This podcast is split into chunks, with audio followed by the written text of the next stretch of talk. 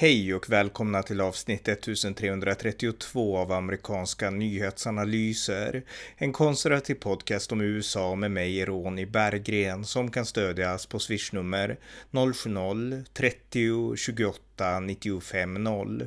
Här följer en uppdatering om det senaste i USA tillsammans med min kollega Björn Nordström. Varmt välkomna. Björn Nordström, välkommen. Tack så mycket. Vi ska uppdatera lite om det senaste i USA, så att ja, du kan börja. Ja, vi pratade om ett par saker förra podden, bland annat Rick Santorum, han som var presidents, eh, presidentskandidat för Republikanerna för, var det 2016? 2012. 2012, förlåt. Uh, han i alla fall blev då kickad av CNN för att han hade sagt vad han, inte bara vad han tyckte, men kanske också en del fakta om det med, eh, med uh, du förklarade förra gången i alla fall, med indianer och så vidare. Ja och USA som växte fram då. Men i alla fall, han är nu, eh, han har gått ut, han sa ju då, han är skitförbannad på CNN. Han blev sparkad i princip och uh, han har gått ut och sagt att uh, man blir bokstavligen manglad om man talar, liksom är man med i CNN eller vänsterliberal så är man, blir man liksom fullständigt överkörd om man går ut och säger sanningen. Och det stämmer till mångt och mycket faktiskt. Att de inte är intresserade av sanningen. Det spelar ingen roll om det är sant liksom hur mycket fakta man baserar det på. Det är liksom bara, det är fel fakta. Ja, nej, för det är intressant, för jag betonade ju förra avsnittet att uh, han, han sa sanningen. Alltså USA grundades från scratch, så att det var inget, Precis. det var ju bara sanning liksom. Precis, och det är det, och han, så att han pular inte utan han säger rakt ut nu att man säger sanningen och då blir man sparkad och liksom blir man överkörd. Och det visar hur galet samhället är. Och det är mycket, påminner mycket om det som sker i Sverige nu med och har gjort under flera år mm. med Sverigedemokraterna till exempel. Att går man ut och säger sanningen om migrationen till exempel, hur mycket fakta man än bevisar, liksom har med sig och bevisar att man pratar sanning, då är liksom det bara fel. Då ska man bara bort ur samhället ungefär. Och på tal om sanning, nu är det här en komiker jag kommer nämna så att det är väl inte samma krav på att prata sanning då, utan det är mer att vara rolig. Men likväl, det är en stand-up komiker som heter eh, Kiri Shabazz heter han. En svart komiker som är ganska stor, alltså han är tjock skulle man till och med kunna säga om man vill vara väldigt tydlig, riktigt stor. Och han skämtar om det och sådär. Och då skämtade han nu senast om att han måste gå ner i vikt och bli i form därför att man måste vara i form om Donald Trump skulle återinföra slaveriet sa han. Eh, då måste man vara i form så han, så han kan fightas liksom liksom. Slå tillbaks kanske. Men alltså det var ju kul mest då. Men, men alltså en sån här grej, här har vi en person som inte säger sanningen. Och det var ju bara skämt då. Men, men liksom, för jag menar Donald Trump vill inte återinföra slaveriet. Men här har vi liksom ett falskt narrativ som man ändå kan skämta om. För liksom man känner att, ja men lite sanning finns det i det ändå. Så att jag menar, man kan slira på sanningen om man är politiskt korrekt och driver med Donald Trump. Men man kan inte prata sanning om man pratar sanning om USAs grundande liksom. Då, då får man sparken från scenen.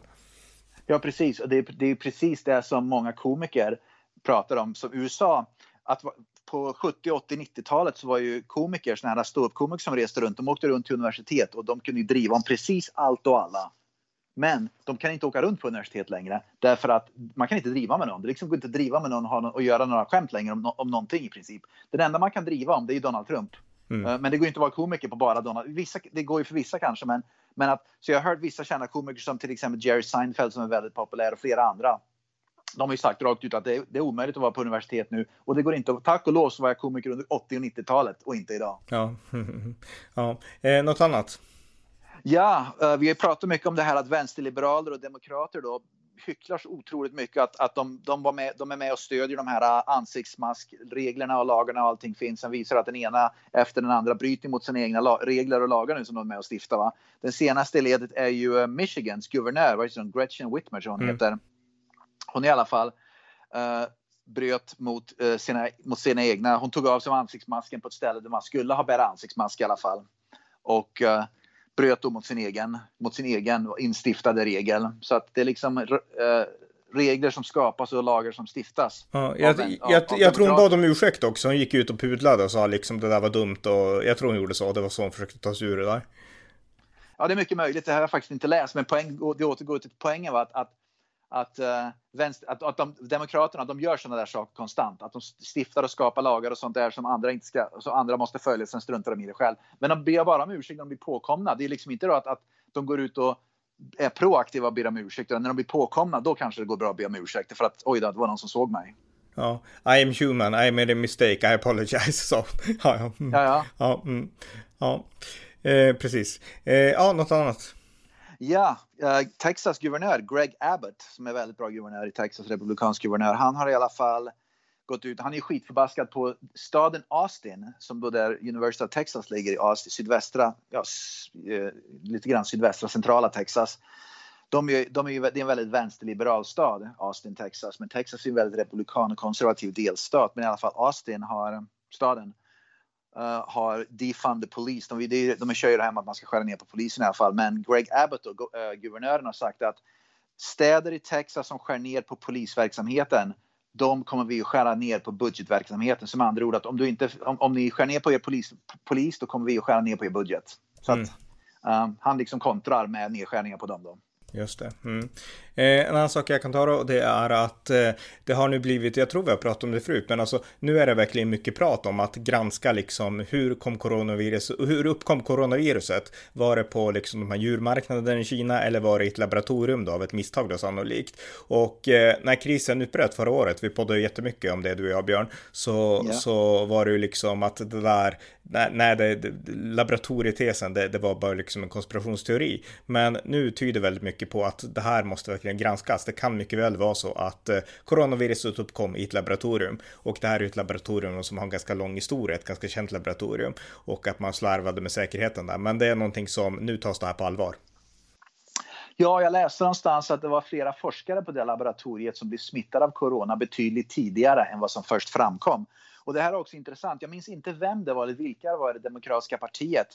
Uh, jag kommer inte ihåg riktigt på rakt av så här, men det var i alla fall flera demokrater då, när, när, jag tror det var några republikaner, om det var Ted Cruz eller om det var några andra, som var Marco Rubio som var tidigt ute med och sa att det, det har någonting att göra med det här laboratoriet i Wuhan eller vad det nu var, eller på något ställe. Och de blev då, flera demokra, många demokrater i Demokratiska partiet gick omedelbart efter dem och liksom absolut inte det är konspirationsteorier hit och konspirationsteorier dit.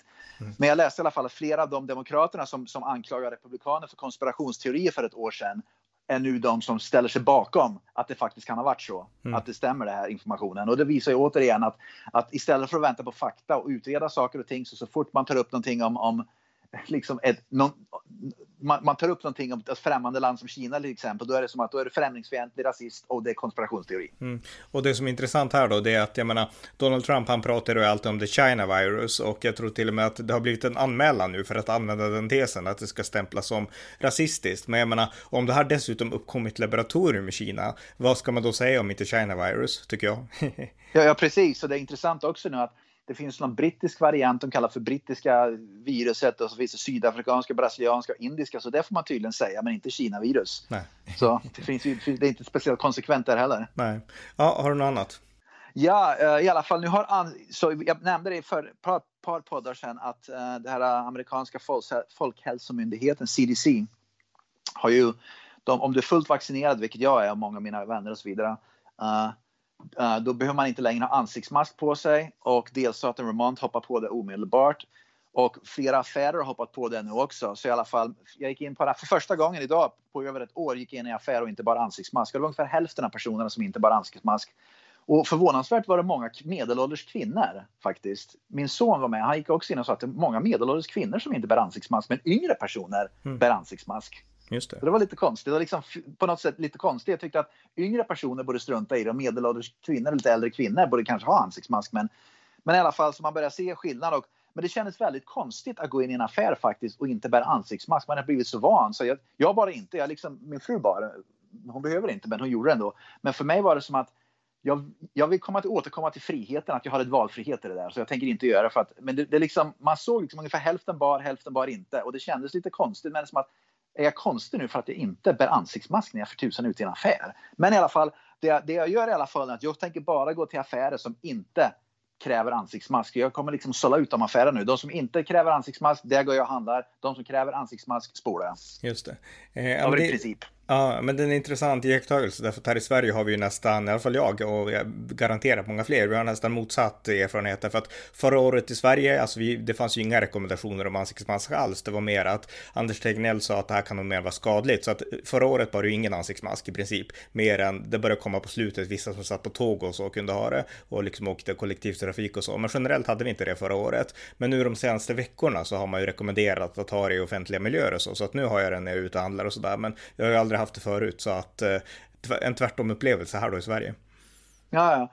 Här, här i alla fall, om du skulle gå, säg, säg förra sommaren för ett år sedan till exempel när det inte bara ansiktsmask i Sverige. Om jag skulle gå in i en affär utan ansiktsmask, de skulle ringa polisen. Jag skulle bli anhållen därför att då, lagarna i princip, de skulle slänga in mig i finkan. Mm. Så, så liksom hårt var det. Ja.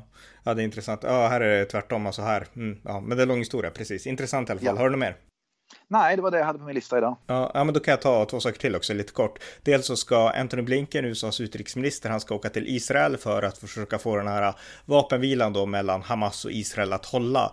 Men eh, redan nu så börjar det liksom knaka i fogarna kan man säga lite grann. Eh, Anthony Blinken har medgav att eftersom USA nu har återgett palestinier bistånd som eh, det här biståndet som Donald Trump slopade när han var president så, så har Blinken sagt att vi kan tyvärr inte garantera att inga pengar kommer att gå till liksom Hamas terroristverksamhet. Man hoppas ju inte det och man vill inte det såklart, men tyvärr alltså det finns inte. Det går inte att garantera att det inte kommer att bli så, så att eh, det är inte bra. Eh, sen Då ska inte pengar skickas. Nej, man kan tycka det egentligen alltså. Eh, sen kommer USA också att återöppna eh, ett palestinskt konsulat i Jerusalem. Eh, US Consulate General in Jerusalem heter det och det här är ett kontor som man har haft då för att sköta diplomatin med palestinierna. Men det här var ett kontor som Donald Trump stängde ner när han var president, men nu kommer Biden administrationen administrationen då att öppna upp det här igen. Och eh, det här är också intressant då därför att Hamas ledare, eller en av, en, en av Hamas grundare, Mahmoud al-Sahar, han intervjuades nyligen av Sky News. Det här är en äldre man då som var med även redan när Hamas grundades för årtionden sedan.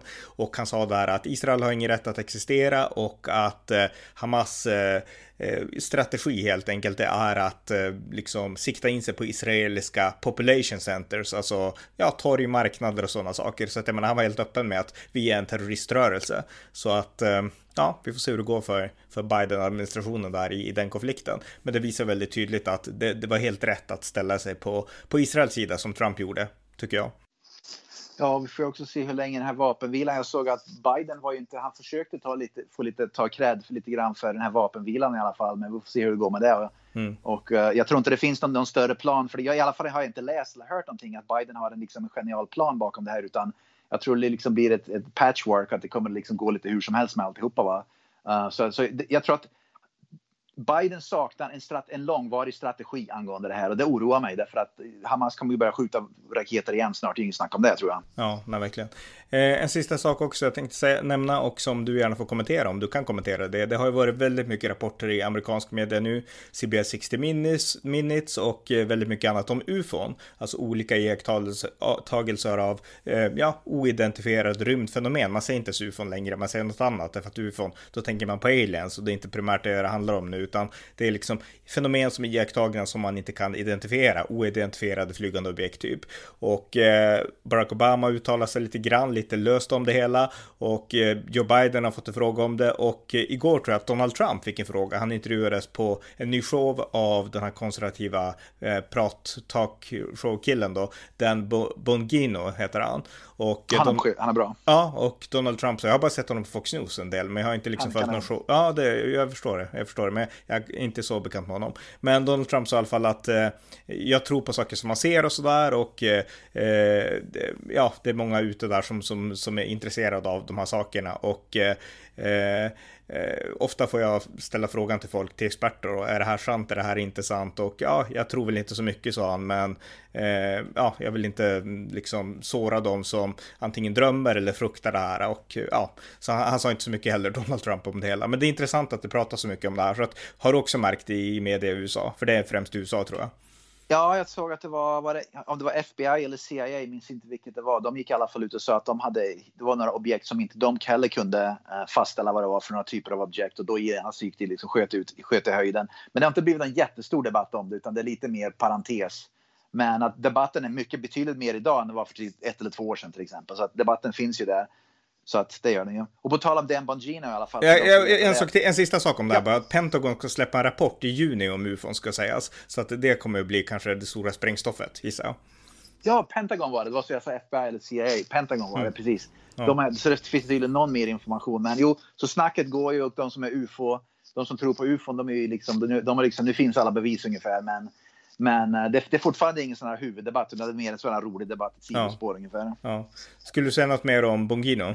Jag tänkte säga, alltså Dan Bongino, han är kanonbra för er. Uh, Rush Limbaugh som var, han dog för inte så länge sedan. Han var kanske USAs mest populära radiopratare, hade väl 30-40 miljoner lyssnare varje dag. Och sådär. Uh, han dog ju för, för, inte så länge sedan. Han fick ju då fri, en frihetsmedalj av Donald Trump för något år sedan. Mm.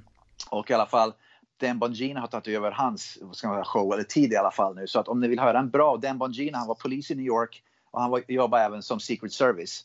Och han är jäkligt bra och han är stentuff mot vänsterliberaler och demokraterna. Så om ni vill lyssna på en bra radioshow, lyssna på Dan Bongino. Han är kanonen. Tuff som bara den och extremt kunnig. Liksom, han kan rabbla fakta hur mycket som helst. Ja, och den första... Och viker sig inte en tum. Nej, och den första han intervjuade var alltså Donald Trump på sin första ja. show på den här tiden. Så att, ja. Okej, okay, ja, men tack. Ja, precis. Ja, men tack ja. Björn. Tack så mycket. Det var avsnitt 1332 av amerikanska nyhetsanalyser. En konservativ podcast som finns för att ge det perspektiv på USA som svensk media inte ger. Stöd gärna med en gåva på swishnummer 070-30 28 95 0 eller via hemsidan på Paypal, Patreon eller bankkonto. Det var allt för idag. Tack för att ni har lyssnat.